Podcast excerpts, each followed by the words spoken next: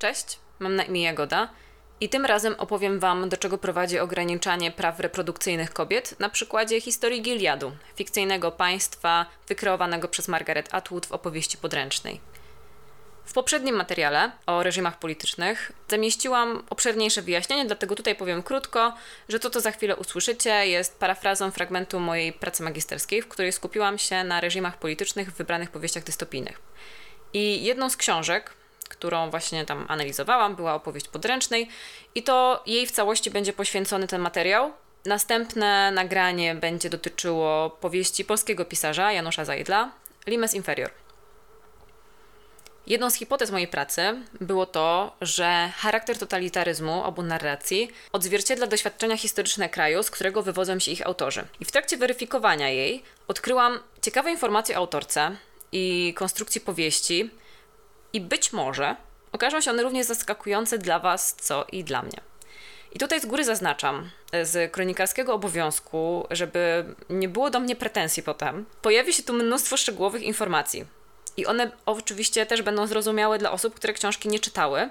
Niemniej, jak się pewnie domyślacie, zdradzają one elementy fabuły. Więc jeśli spotkanie z książką, czego Wam strasznie zazdroszczę, jest jeszcze przed Wami, a zamierzacie słuchać dalej, to w tym momencie zbywacie się wszelkich roszczeń do pisania niemiłych komentarzy. Jeżeli macie ochotę zostać, to będzie mi bardzo miło, ale też nie obrażę się, jeżeli porzucicie to nagranie i wrócicie do niego później. W pracy też streszczałam plan wydarzeń powieści. Opis fabuły jest łatwy do odnalezienia, wydaje mi się, na Wikipedii, także nie będę tutaj tego robić.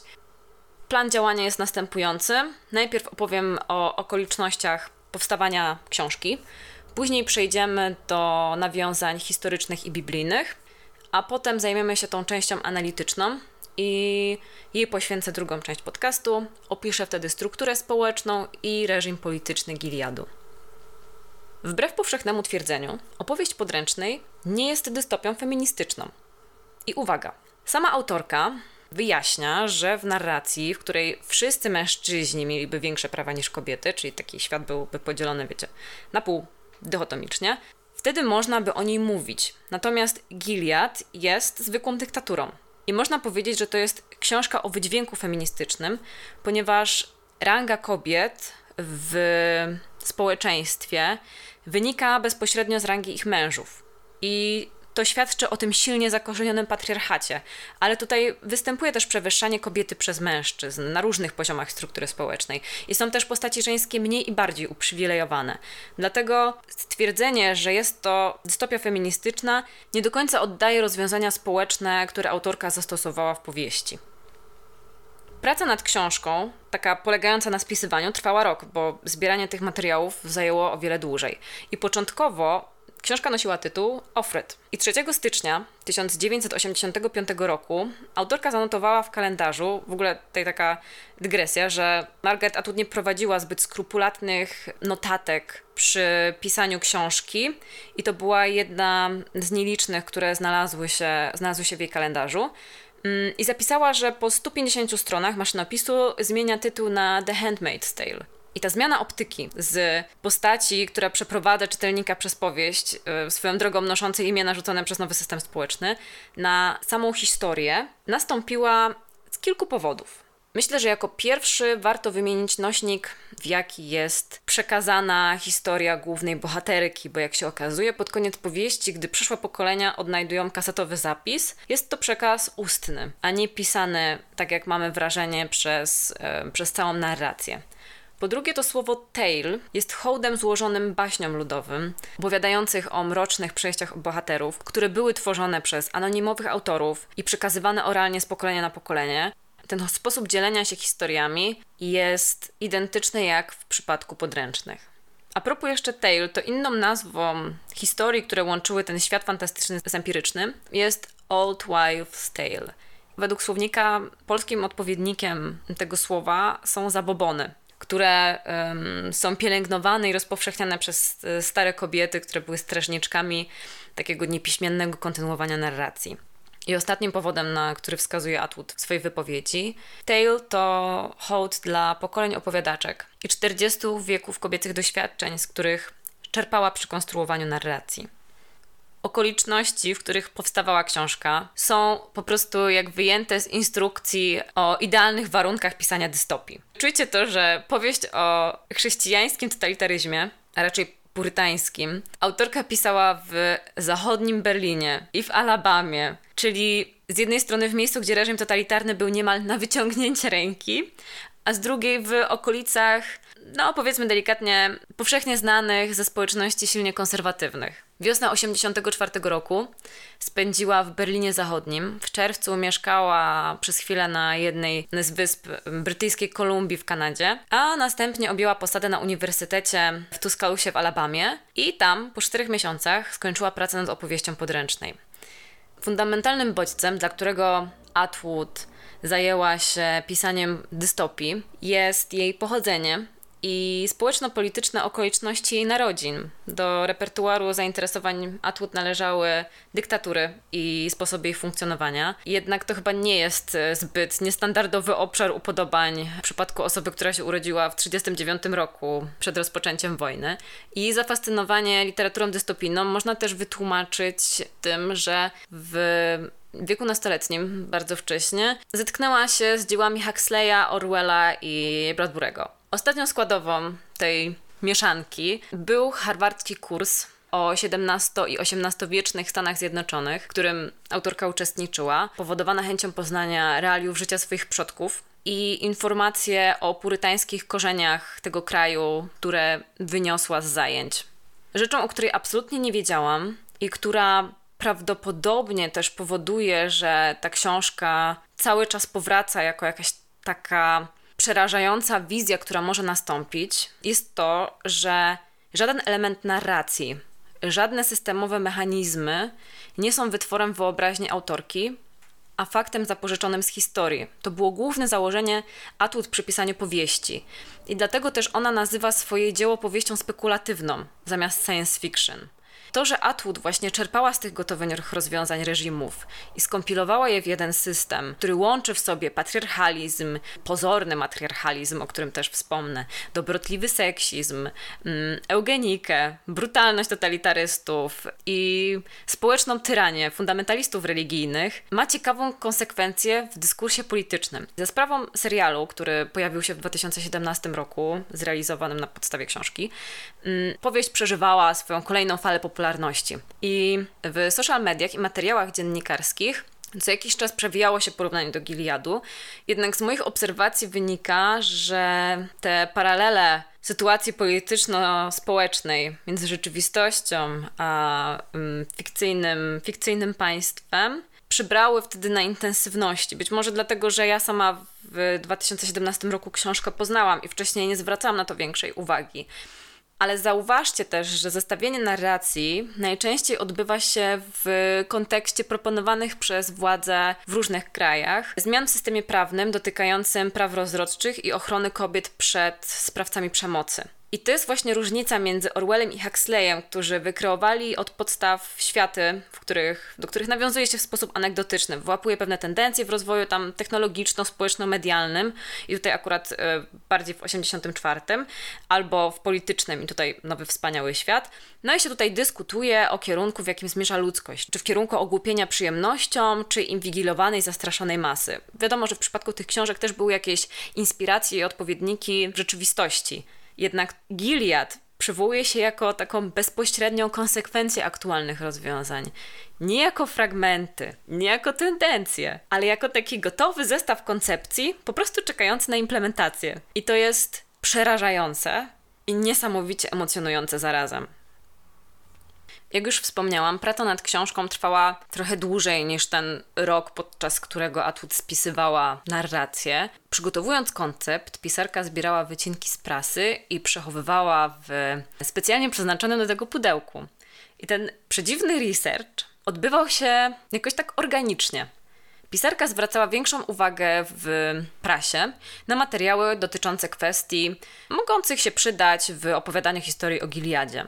Obecnie można te wycinki znaleźć na Uniwersytecie w Toronto, w archiwum, pogrupowane i zalaminowane. Chciałam tematycznie podzielić nawiązania historyczne i biblijne, żeby było jakoś tak przejrzyściej.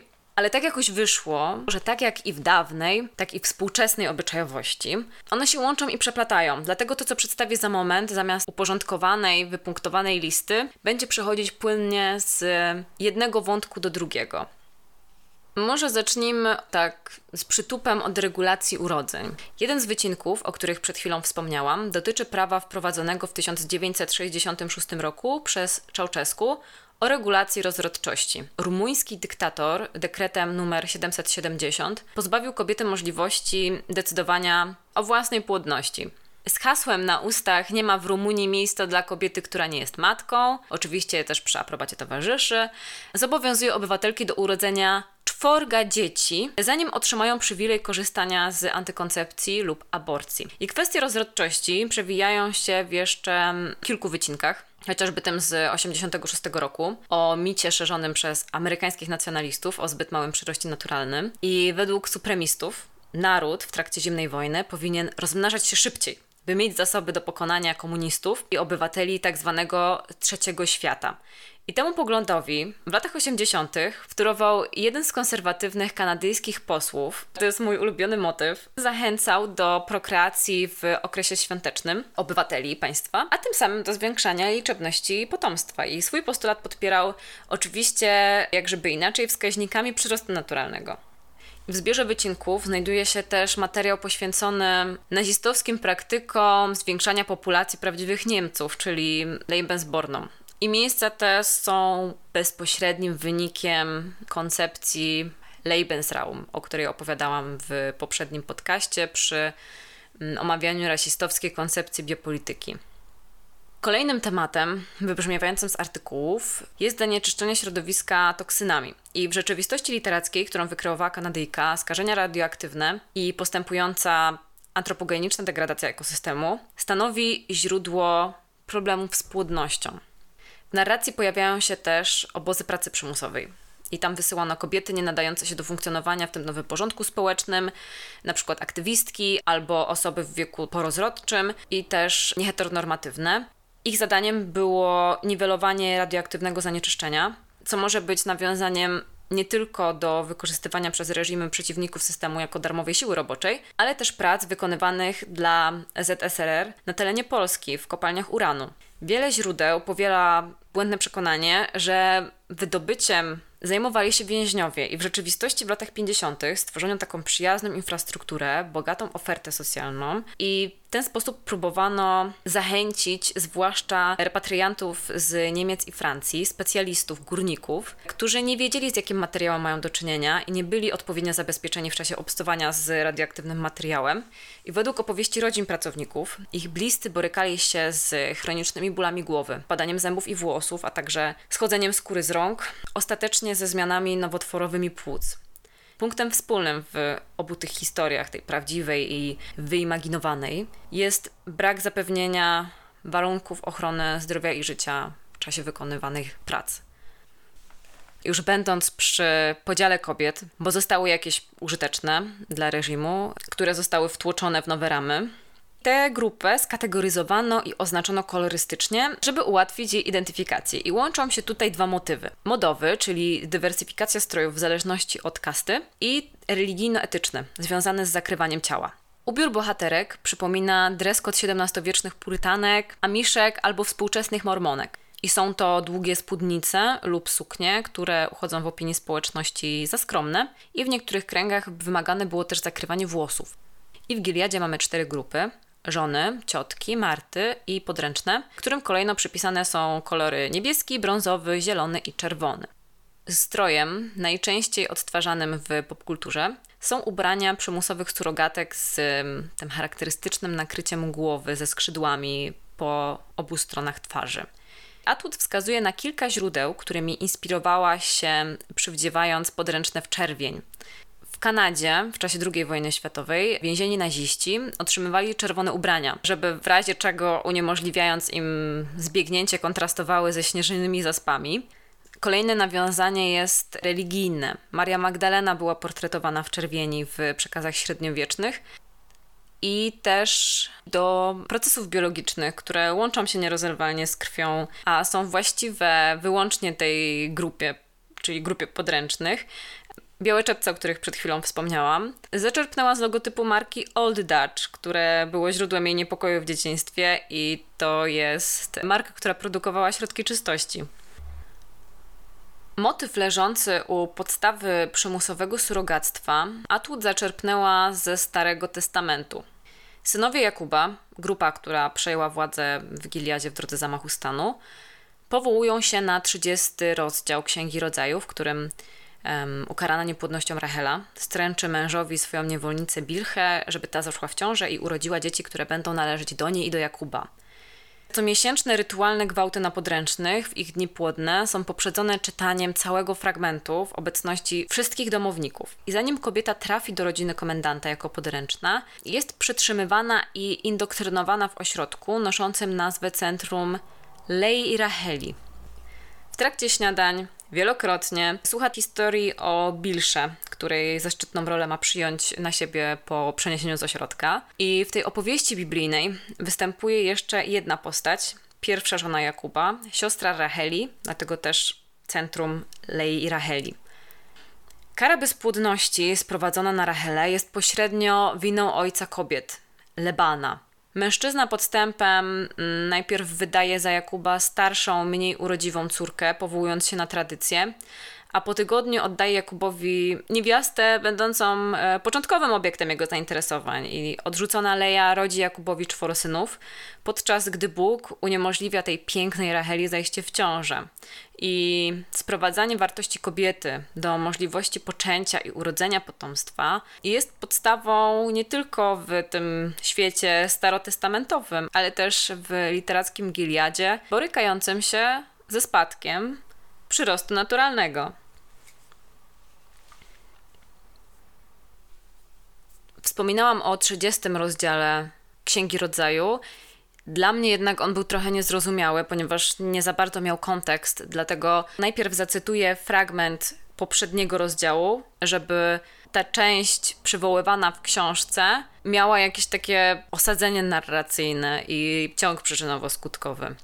Tak więc uwaga, zaczynamy. A gdy Jakub przebywał u Labana miesiąc, rzekł do niego Laban: Czyż dlatego, że jesteś moim krewnym, masz mi służyć za darmo? Powiedz mi więc, jaką mam ci dać zapłatę? Miał zaś Laban dwie córki. Starsza nazywała się Lea, a młodsza Rachela. Oczy Lei były jakby zgaszone, Rachela zaś miała piękną postać i miłą powierzchowność. Ponieważ Jakub pokochał Rachelę, rzekł do Labana – Będę ci służył przez siedem lat za twą młodszą córkę Rachelę. Laban powiedział: Wolę dać ją tobie niż komu innemu. Pozostań więc u mnie. I tak służył Jakub za Rachelę przez siedem lat, a wydały mu się one jak dni kilka, bo bardzo miłował Rachelę. Wreszcie rzekł Jakub do Labana: Ponieważ czas już upłynął, daj mi córkę twą za żonę, abym się z nią połączył. Wtedy Laban, zaprosiwszy wszystkich mieszkańców tej miejscowości, wyprawił ucztę. A gdy był wieczór, Laban wziął córkę swą Leę i wprowadził ją do Jakuba i ten zbliżył się do niej. Dał też Laban tej córce swej niewolnicy Zilpę. Rano Jakub zobaczył, że ma przed sobą Leę. Rzekł więc do Labana: Cóż mi uczyniłeś? Czyż nie za Rachelę ci służyłem? Czemu mnie oszukałeś? Laban odpowiedział: nie ma tu u nas zwyczaju wydawania za mąż córki młodszej przed starszą. Bądź przez tydzień z tą, a potem damy ci drugą, za którą jednak będziesz u mnie służył jeszcze siedem następnych lat. Jakub przystał na to i był przez tydzień z tą. Potem Laban dał mu córkę swą Rachelę za żonę. Racheli dał Laban również niewolnicę Bilchę, aby jej usługiwała. Jakub więc zbliżył się do Racheli i kochał ją bardziej niż Leę i pozostał na służbie u Labana przez siedem następnych lat. Gdy pan widział, że Lea została odsunięta, otworzył jej łono. Rachela zaś była niepłodna. I tutaj następuje fragment, w którym e, Lea rodzi kolejnych synów i chwali Pana i daje i nadaje im imiona. I teraz zaczynamy 30 rozdział. Rachela zaś widząc, że nie może dać Jakubowi potomstwa, zazdrościła swej siostrze i rzekła do męża: Spraw, abym miała dzieci, bo inaczej przyjdzie mi umrzeć. Jakub rozgniewał się na Rachelę i odparł: Czyż to ja, a nie Bóg, odmawiam ci potomstwa? Wtedy ona powiedziała: Mam niewolnicę Bilchę, zbliż się do niej, aby urodziła dzieci na moich kolanach, chociaż w ten sposób będę miała od ciebie potomstwo. Dała mu więc swą niewolnicę Bilchę za żonę i Jakub zbliżył się do niej, a gdy Bilcha poczęła i urodziła Jakubowi syna, Rachela rzekła: Bóg jako sędzia otoczył mnie opieką, wysłuchawszy mnie, dał mi syna. Dlatego nazwała go Dan. Następują kolejne zbliżenia z Bilchą i kolejne porody, potem porody Lei, i w końcu dochodzi do sytuacji, w której Bóg lituje się nad Rachelą, wysłuchuje ją i otwiera jej łono. I swojego syna nazywa Józef. Linki do wszystkich źródeł będą dostępne w opisie materiału na YouTubie i też linki do Księgi Rodzaju Starego Testamentu, więc będziecie mogli zapoznać się samodzielnie z całymi rozdziałami. Nie pominęłam żadnych istotnych informacji, wyłącznie te fragmenty, w których są opisywane kolejne porody i kolejne dzieci, bo jednak nie jest to istotne dla narracji. Zostając przy porodach, w państwie rządzonym przez synów Jakuba zostały one przeniesione z przestrzeni prywatnej do życia publicznego i ze względu na ich niską częstotliwość były celebrowane przez całą miejscową społeczność. W XVII i w XVIII wieku publiczne porody w rodzinach królewskich, w towarzystwie dworzan, służących, lekarzy i pokojówek, miały zapobiegać podejrzeniom o podmianę następcy tronu na inne niemowlę. W Giliadzie miało to trochę inną funkcję, mianowicie prewencyjną, żeby po prostu nie doszło do nadużycia ze strony biologicznej matki, ponieważ w Giliadzie rodzenie dziecka nie było równoznaczne z prawem do opieki nad potomstwem. Dzieci podręcznych należały do komendanta i jego żony, czyli tak jak w cytowanym przed chwilą fragmencie Biblii, Bilcha mimo że rodziła dzieci, nie należały one do niej. A poszukując nawiązań historycznych, i to na przestrzeni ostatniego stulecia, Podobne praktyki były w krajach europejskich, e, latyno- i północnoamerykańskich, gdzie dochodziło do podobnych nadużyć. Blondwłose i niebieskookie dzieci naziści porywali, by wychować na prawdziwych Niemców Aryjczyków, a argentyńscy oficerowie przywłaszczali sobie potomstwo więźniów politycznych, których odurzano i zrzucano z samolotów do oceanu. Ciężarne kobiety przetrzymywano do czasu porodu, a następnie mordowano podczas lotów śmierci. Proceder ten trwał od 1976 do 1983 roku i został osądzony w 2012. Natomiast w Ameryce Północnej i Australii praktykowano nie tylko przymusowe adopcje dzieci niezamężnych kobiet z lat, od lat 50. do 70. Kanadyjczycy objęli obowiązkiem szkolnym dzieci rdzennych mieszkańców, co egzekwowali z niezwykłą brutalnością, mając za cel wynarodowienie i europejskie formatowanie nowego pokolenia. Dzieci wcielano do szkół z internatem, które uniemożliwiały kontakty z rodziną, oraz kultywowanie własnych tradycji. Przypadku Australijczyków do 71 roku odbierali niemowlęta aborygeńskim matkom, najchętniej, które były wynikiem relacji mieszanej, i oddawano je rodzinie białej albo umieszczano w ośrodku opiekuńczym, gdzie przebiegał proces asymilacji. I pół wieku takich praktyk złożyło się na doświadczenie straconego pokolenia. Wróćmy jeszcze na chwilę do motywów biblijnych, bo jedną z grup, która zawdzięcza swoje nazewnictwo Nowemu Testamentowi, są Marty. Były to gospodynie domowe, niewystarczająco młode i płodne, żeby być gospożonami, i zbyt mało wpływowe, by być żonami lub ciotkami. Imię Marta wywodzi się z języka aramejskiego i nie uwierzycie, oznacza gospodynię, panią domu. W dziesiątym rozdziale Ewangelii według świętego Łukasza pojawiają się dwie postaci – Maria i Marta. I ta druga z sióstr jest e, zaangażowana w krzątanie się i przygotowywanie posiłków podczas wizyty Jezusa w ich domu.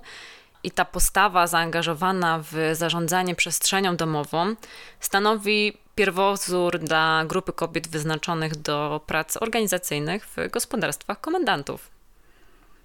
Jak już jesteśmy przy nieodpłatnej pracy, to w archiwalnych albumach z wycinkami Atwood można też odnaleźć artykuły o digitalizacji pieniądza w kontekście przeciwników i zwolenników wprowadzania kart płatniczych śledzących transakcje i lokalizację użytkowników.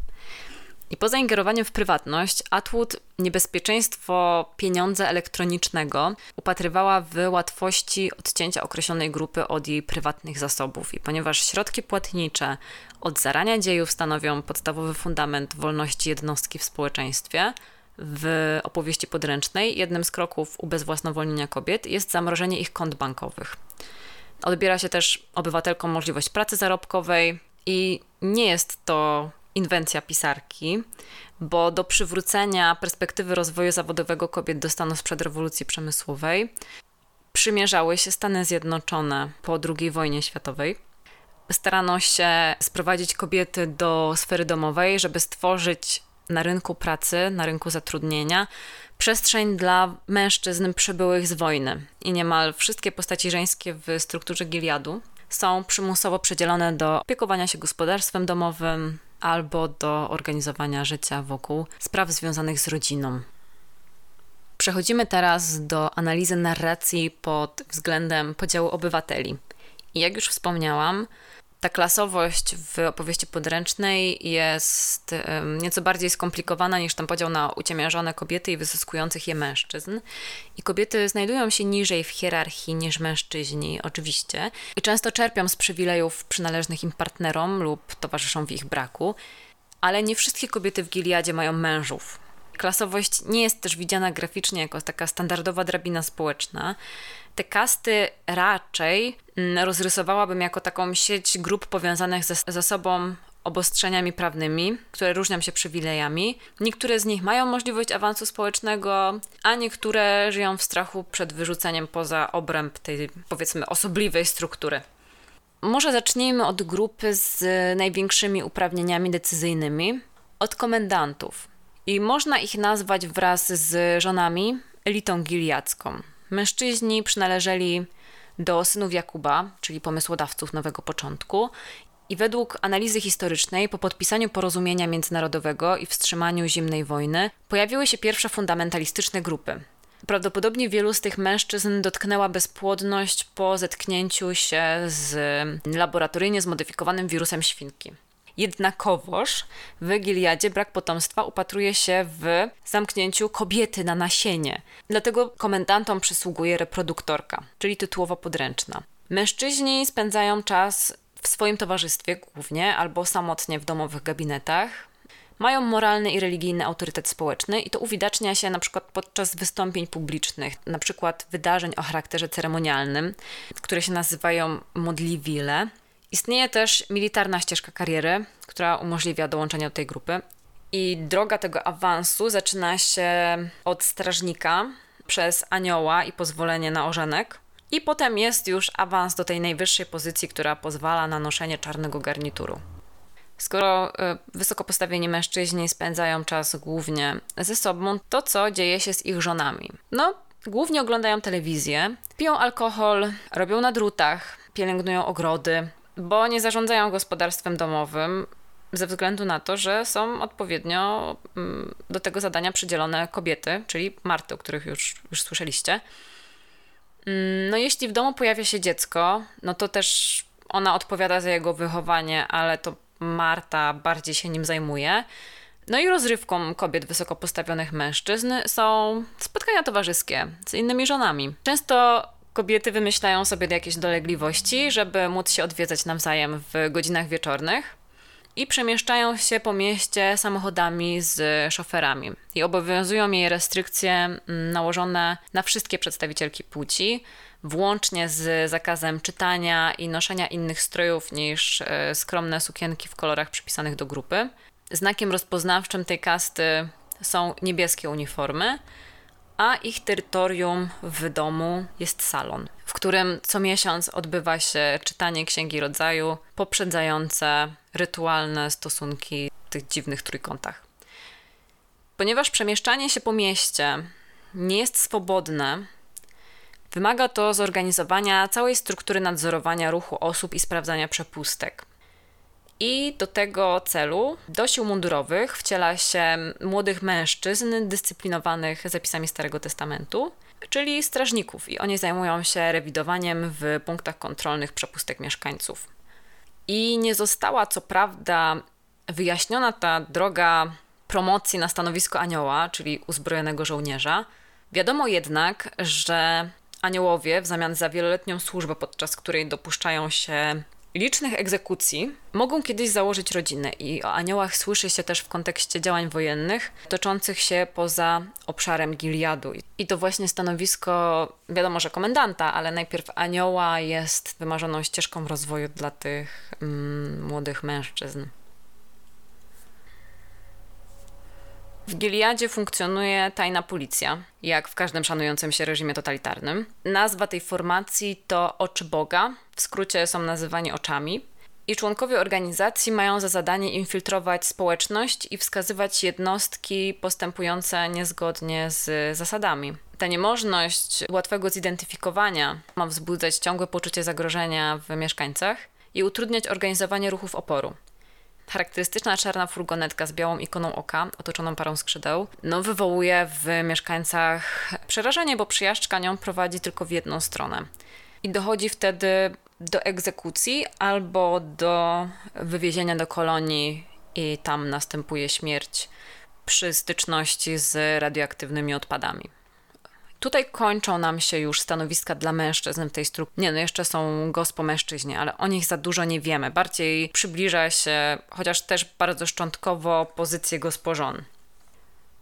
Wspomniane wcześniej żony stanowią jedną z grup realizujących się tym fałszywym matriarchacie. Mężczyźni zepchnęli kobiety ze sfery publicznej do prywatnej, argumentując oczywiście powolne odbieranie praw człowieka przywróceniem ładu, w którym kobiety mogą wypełniać swoje biologiczne posłannictwo w bezpiecznych warunkach. I tym samym stworzyli środowiska pozornie zdominowane przez kobiety. I w rzeczywistości one spełniają swoją funkcję regulacyjną i umacniają patriarchat i paternalistyczne podejście do kobiet.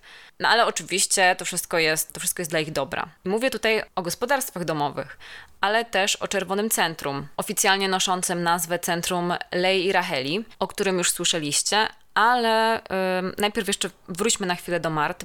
To, co już wybrzmiało w tym, co powiedziałam, to po prostu członkowie albo członkinie danej grupy przebywają we własnym towarzystwie i nie jest inaczej w ich przypadku. One się zajmują gospodarstwami domowymi, poruszają się samodzielnie ulicami, mogą się kontaktować między sobą i, i wymieniać informacjami o wydarzeniach w rodzinach, którym usługują. Tematów do plotek jest, jest wiele. No jak się zachowują żony, czy podręczne są już w ciąży, czy której z marc została zesłana do kolonii albo zamordowana przez władzę. No wiecie, dzień jak codziennie. I przyodziane w ciemnozielone sukienki, z fartuszkami. Głównie przygotowują posiłki, ale też przez to nadają taki rytm dobowy domowi. Właśnie w tym kontekście najczęściej w powieści się pojawiają, w kontekście posiłków. Marty nie mogą się fraternizować z podręcznymi. Relacja tych dwóch grup powinna ograniczać się do takich wiecie, zdawkowych kontaktów przy podawaniu jedzenia, wydzielaniu kuponów na zakupy albo wydzielaniu podpasek i jeszcze mm, przy pilnowaniu drzwi łazienki podczas kąpieli przed ceremoniami.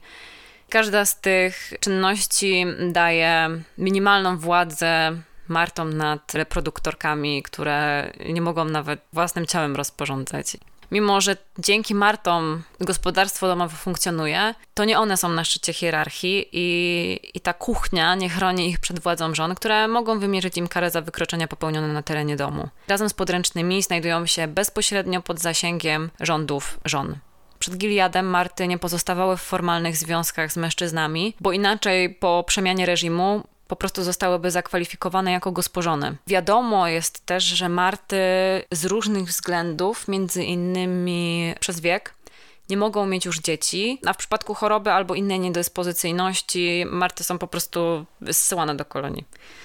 Przed chwilą powiedziałam, że taki cykl dobowy jest regulowany przez wydawanie posiłków przez Marty. Natomiast cykl życia całego domu jest dostosowany do cyklu miesiączkowego podręcznych. Jednocześnie nie ma w tym nic władczego, bo kobiety sprowadzono wyłącznie do funkcji fizjologicznych ich organizmów, zostały absolutnie pozbawione indywidualności, podmiotowości czy prawa do jakiegokolwiek samostanowienia. Pogardzają nimi Marty i gospożony, nienawidzą ich żony komendantów, są infantylizowane przez ideologiczne edukatorki, ciotki, przebywają pod stałą kontrolą w przestrzeni domowej i publicznej do tego stopnia, że jedyne sztućce, którymi mogą się posługiwać, to są widelce i łyżeczki. Jednocześnie ich zasoby biologiczne są bardzo cenne, ale same podręczne są zastępowalne. Nudzą się w pokojach, które są w ogóle pozbawione elementów ułatwiających targnięcie na własne albo na cudze życie. I ich rola jest podkreślana czerwonym strojem, który nawiązuje do koloru płynu ustrojowego najbardziej utożsamianego z ich funkcją, czyli krwi. I zarazem jest to element uniemożliwiający tak naprawdę tak nikłą szansę ucieczki. Grupą z najszerszymi uprawnieniami wśród żeńskich kast są ciotki. Miały one reformować na modłę patriarchalnej narracji o nowym podziale zadań wśród kobiet, obywatelki zakwalifikowane do roli podręcznych. Ciotki przybierały imiona trochę jak mniszki, które pochodziły od nazw produktów niegdyś targetowanych do kobiet, od kosmetyków, leków i detergentów były jednocześnie strażniczkami, bo mogły stosować środki przymusu bezpośredniego. Przy paskach ich brązowych sukienek na rzemykach zwisały elektryczne pastuchy do popędzania wydła i były edukatorkami religijno-obyczajowymi. Ciotkom jako jedynym nadano przywilej czytania i pisania. Do grupy tej, jak to określali historycy kobiecych oddziałów szturmowych, należały osoby prawdziwie przekonane o wysokiej wartości tych konserwatywnych przekonań, albo osoby złaknione strzępków władzy, bądź też takie, które obawiały się zesłania do kolonii, bo nie mogły wypełniać żadnej innej roli. Przedostatnią żeńską grupą w strukturze są gospożony i o nich, jak już mówiłam, wiadomo najmniej. Jak większość żon żyją w relacjach małżeńskich przed nastania Giliadu, przejęły niski status społeczny swoich partnerów i tak jak pozostałe kobiety, nie mają możliwości podjęcia pracy zarobkowej, dostępu do czytania i pisania, X-trój łączy w sobie kolory kast z domów komendantów i jest pasiasty, ze względu na to, że one wypełniają trzy funkcje naraz. Tej partnerki seksualnej, czyli czerwony, gospodyni domowej zielony i tej wybranki poświęconej sakramentem, czyli niebieski. Jako ostatnie omówienie kobiety, czyli obywatelki wyrzucone poza tą oficjalną klasyfikację, kobiety przedstawiane jako upadłe i bezbożne. I z relacji Moiry, przyjaciółki głównej bohaterki, którą spotyka w domu publicznym, można pozyskać informacje na temat tego, jakie są rzeczywiste kryteria przydziału do pracy w koloniach. Zsyłano osoby starsze, bezpłodne, zbuntowane, nieefektywne reproduktorki, bo trzeba też mieć na uwadze, że podręczne, kiedy się nie sprawdzały, też mogły skończyć w koloniach. Zsyłano tam również zdrajców rodzaju, których nie spotkała kara śmierci, czyli osoby nieheteroseksualne, i wysyłano też mężczyzn. Obozy, jak się okazuje, dzielą się na kilka rodzajów, i pierwszy z nich zapewnia perspektywę przeżycia dłuższą niż trzyletnia. Więźniów zmusza się do pracy przy uprawie warzyw i roślin włóknistych. Pozostałe dwa rodzaje to uprzątanie terenu zanieczyszczonego radioaktywnymi odpadami albo palenie zwłok pozostałych po działaniach wojennych. I, i tam w ogóle nie dba się o dobrobyt jednostki albo odzież ochronną przed zimnem i jakimś niebezpieczeństwem chorób. Obie płcie chroni wyłącznie szara suknia. Przechodzimy teraz do form kontroli i nacisku, czyli reżimu politycznego. Pisarka wysnuwa taką hipotezę, możliwą do odczytania w powieści, że władza nie radykalizuje się poza strukturą systemu, co więcej, korzysta z tej struktury do własnych celów. Jako przykład podaje komunistyczny rząd Chin, który zastąpił jedną biurokrację inną pod zmienioną nazwą i Rosję z imperialną policją, która później przekształciła się w KGB. Jej tok myślenia prowadzi do stwierdzenia, że podwalinami Stanów Zjednoczonych nie są oświeceniowe idee o republice, równościowym i niewyznaniowym państwie, tylko tradycje purytańskiej Nowej Anglii, o których uczyła się na studiach podczas jednego z kursów. Sugeruje, że od wprowadzenia wszechobecnej teokracji z wyraźnym uprzedzeniem do kobiet, Stany dzieliła jedynie iskra zapalna powodująca społeczny chaos.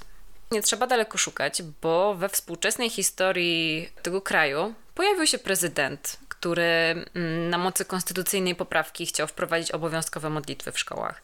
I to był rok 1981. Przez to Ronald Reagan zapisał się w pamięci obywateli jako pierwszy przywódca w historii państwa postulujący o prawne uregulowanie kwestii religijnych.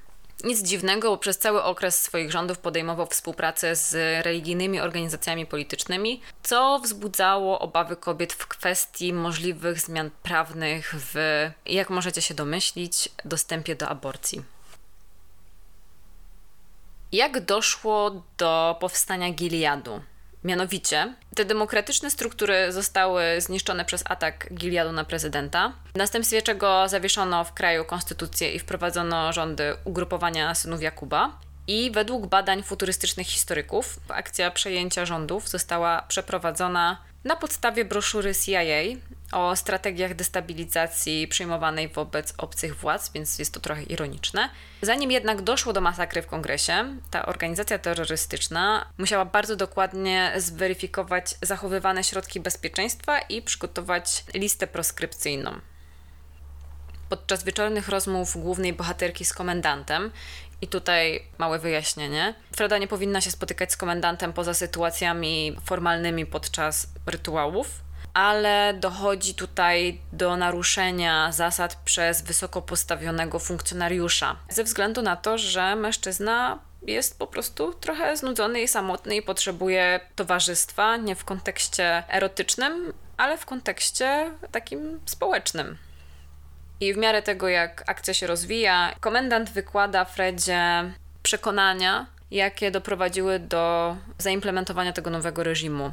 Było to przekonanie, że wyemancypowanie kobiet sprowadziło na mężczyzn, uwaga, apatię. Przywołam Wam cytat z tej wypowiedzi. Mężczyźni nie mieli już nic do roboty. Mam na myśli, że nie mieli co robić z kobietami. Seks stał się zbyt dostępny, każdy mógł go sobie kupić, nie było po co się wysilać, o co walczyć i mamy statystyki z tamtych czasów. Wiesz na co głównie skarżyli się mężczyźni? Że nic nie czują. W innej wypowiedzi zaś bohater próbuje pokazać, że nowy system przyniósł kobietom wyzwolenie i snuje paternalistyczną narrację o tym, jakie niebezpieczeństwa mogły spotkać kobiety, jak niełatwo kobietom było na rynku matrymonialnym i po jakie środki sięgały, by wpasować się w panujący kanon, a także z jakimi trudnościami ekonomicznymi borykały się jako matki, zwłaszcza samotne. I przypomina też, o przymusie oddawania dzieci do ośrodków opiekuńczych na czas pracy, która nie zawsze przynosiła przecież kobietom satysfakcję. Za to jej brak y, stanowił groźbę niedostatku. Tutaj lecimy z kolejnym cytatem. Pieniądz był jedynym miernikiem wartości dla wszystkich, a kobiety jako matki nie cieszyły się żadnym szacunkiem. Nic dziwnego, że uciekały od swoich obowiązków. Nie tak jak teraz, kiedy są pod wszechstronną opieką i mogą w spokoju wypełniać swoje biologiczne posłannictwo z pełnym poparciem i zachętą. O gospodarce kraju wiadomo niewiele. Wiadomo, że pieniądze jako środek płatniczy zostały wycofane i że konflikty zbrojne wpływają na dostęp do artykułów spożywczych. W scenach posiłków z centrum Lei i Racheli ciotki podkreślają dobrą jakość wyżywienia oferowanego podopiecznym i to jeszcze w czasie wojny. Podczas pierwszego wyjścia na zakupy, opisywanego przez bohaterkę, wzmiankuje ona o tym, jakim rarytasem są obecnie pomarańcze. Towary otrzymuje się za specjalne kupony, a na czarnym rynku, który jak się okazuje już na początku powieści istnieje i ma się dobrze, obowiązuje handel wymienny. Freda przemierzając ulicę w drodze do sklepu wspomina, jakie funkcje dawniej pełniły miniane przez nią budynki. Konstrukcja nowego ładu ogranicza się do struktur niezbędnych do kontrolowania, formatowania i karania obywateli. Nie ma już bibliotek, nie ma kin, ani pralni o uniwersytetach już w ogóle nie wspominając. Na straży ideologii stoją tajni agenci, oczy Boga, wychwytując jednostki, które zagrażają bezpieczeństwu kraju. I służby nie pomijały w swoich działaniach nikogo. Wiemy to z ostatniej sceny, w której wysoko postawiony komendant, u którego mieszka główna bohaterka, blednie z przerażenia podczas aresztowania Fredy przez funkcjonariuszy i poza tajnymi agentami Społeczność podlegała samoregulacji przez kolektywność. Ten powszechny strach trafieniem do obozu pracy albo przed torturami i egzekucją najsilniej budował wewnętrzny system kontroli i zwłaszcza, że niezgłoszenie łamania zasad było penalizowane jako współudział. Bohaterowie skategoryzowani, zunifikowani krojami i kolorami strojów, obligatoryjnie partycypują w comiesięcznych domowych ceremoniach poprzedzających próby poczęcia, a także w nieregularnych wydarzeniach, czyli w już wspomnianych publicznych porodach, plenarnych, kolektywnych ślubach nastoletnich dziewic z aniołami, ceremoniach wyzwolenia i partycykucjach. Zwrotami, pozdrowieniami, które pojawiają się w przestrzeni publicznej. Oczywiście są nawiązania do obowiązującej wiary i brzmią one pod jego okiem. Niech będzie błogosławiony owoc, na co odpowiedzią jest niech Pan otworzy, a reakcja każdego porządnego Giliadczyka na dobre wieści powinna brzmieć dzięki Bogu. Teraz takie małe podsumowanie tego, co usłyszeliście przed chwilą i nawiązanie do poprzedniego podcastu, czyli do reżimów politycznych, ponieważ w państwie z powieści Margaret Atwood analogia między nazistowskimi technikami prowadzenia polityki, która łączy w sobie dyscyplinę i regulację, jest bardzo wyraźnie widoczna. Biopolityczne założenia, o których mówił Foucault w 76, tutaj realizują się w podziale ludzi na kasty, które umożliwiają zarządzanie, w legitymizacji dla oczu i aniołów do przeprowadzania egzekucji. No poza tym jeszcze możliwość zgłaszania groźnych jednostek przez obywateli, wskazanie grup, które mogą się rozmnażać i wychowywać dzieci, a które nie, i jeszcze przez rytualizację stosunków seksualnych. W Giliadzie władza robi wszystko, by jednostki niezbędne do reprodukcji i budowania struktury społecznej podtrzymać przy życiu, i stąd właśnie wzmożone środki ostrożności, o których tutaj niejednokrotnie wspominałam. Siłą jej rządów jest średniowieczna praktyka panowania nad śmiercią, bo tutaj bez pardonu w ogóle odbiera się życie jednostkom uznanym za zbędne, stosuje pokazowe kary śmierci, a na szubienicach są pozostawiane jako straszak zwłoki wisielców. Ze starością też poradzono sobie w sposób bardzo prosty. Po prostu przestaje ona oficjalnie istnieć, bo osoby w podeszłym wieku zsyła się do obozów pracy.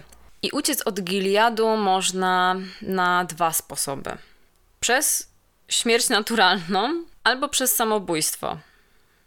Atut w opowieści podręcznej daje trochę więcej nadziei swoim czytelnikom niż autorzy innych powieści dystopijnych. Według futurystycznego zjazdu historyków, który jest opisany w epilogu, to są ci ludzie, którzy znajdują kasety, które nagrała Freda, miała ona prawdopodobnie szczęście i opuściła terytorium państwa, sam Gilead jest obiektem zainteresowania tych naukowców już jako konstrukt upadły.